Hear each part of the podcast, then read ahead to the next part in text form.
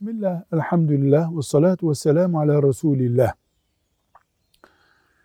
Bu zamanda hicret devam eden bir ibadet midir?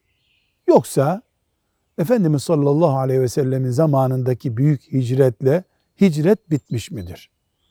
Hayır. Bu zamanda ve kıyamete kadar hicret devam ediyor. Ama Mekke'den Medine'ye değil de haramlardan helale doğru hicret devam ediyor. En büyük muhacir Allah'ın haramlarını ve haramların bulunduğu ortamları terk edendir.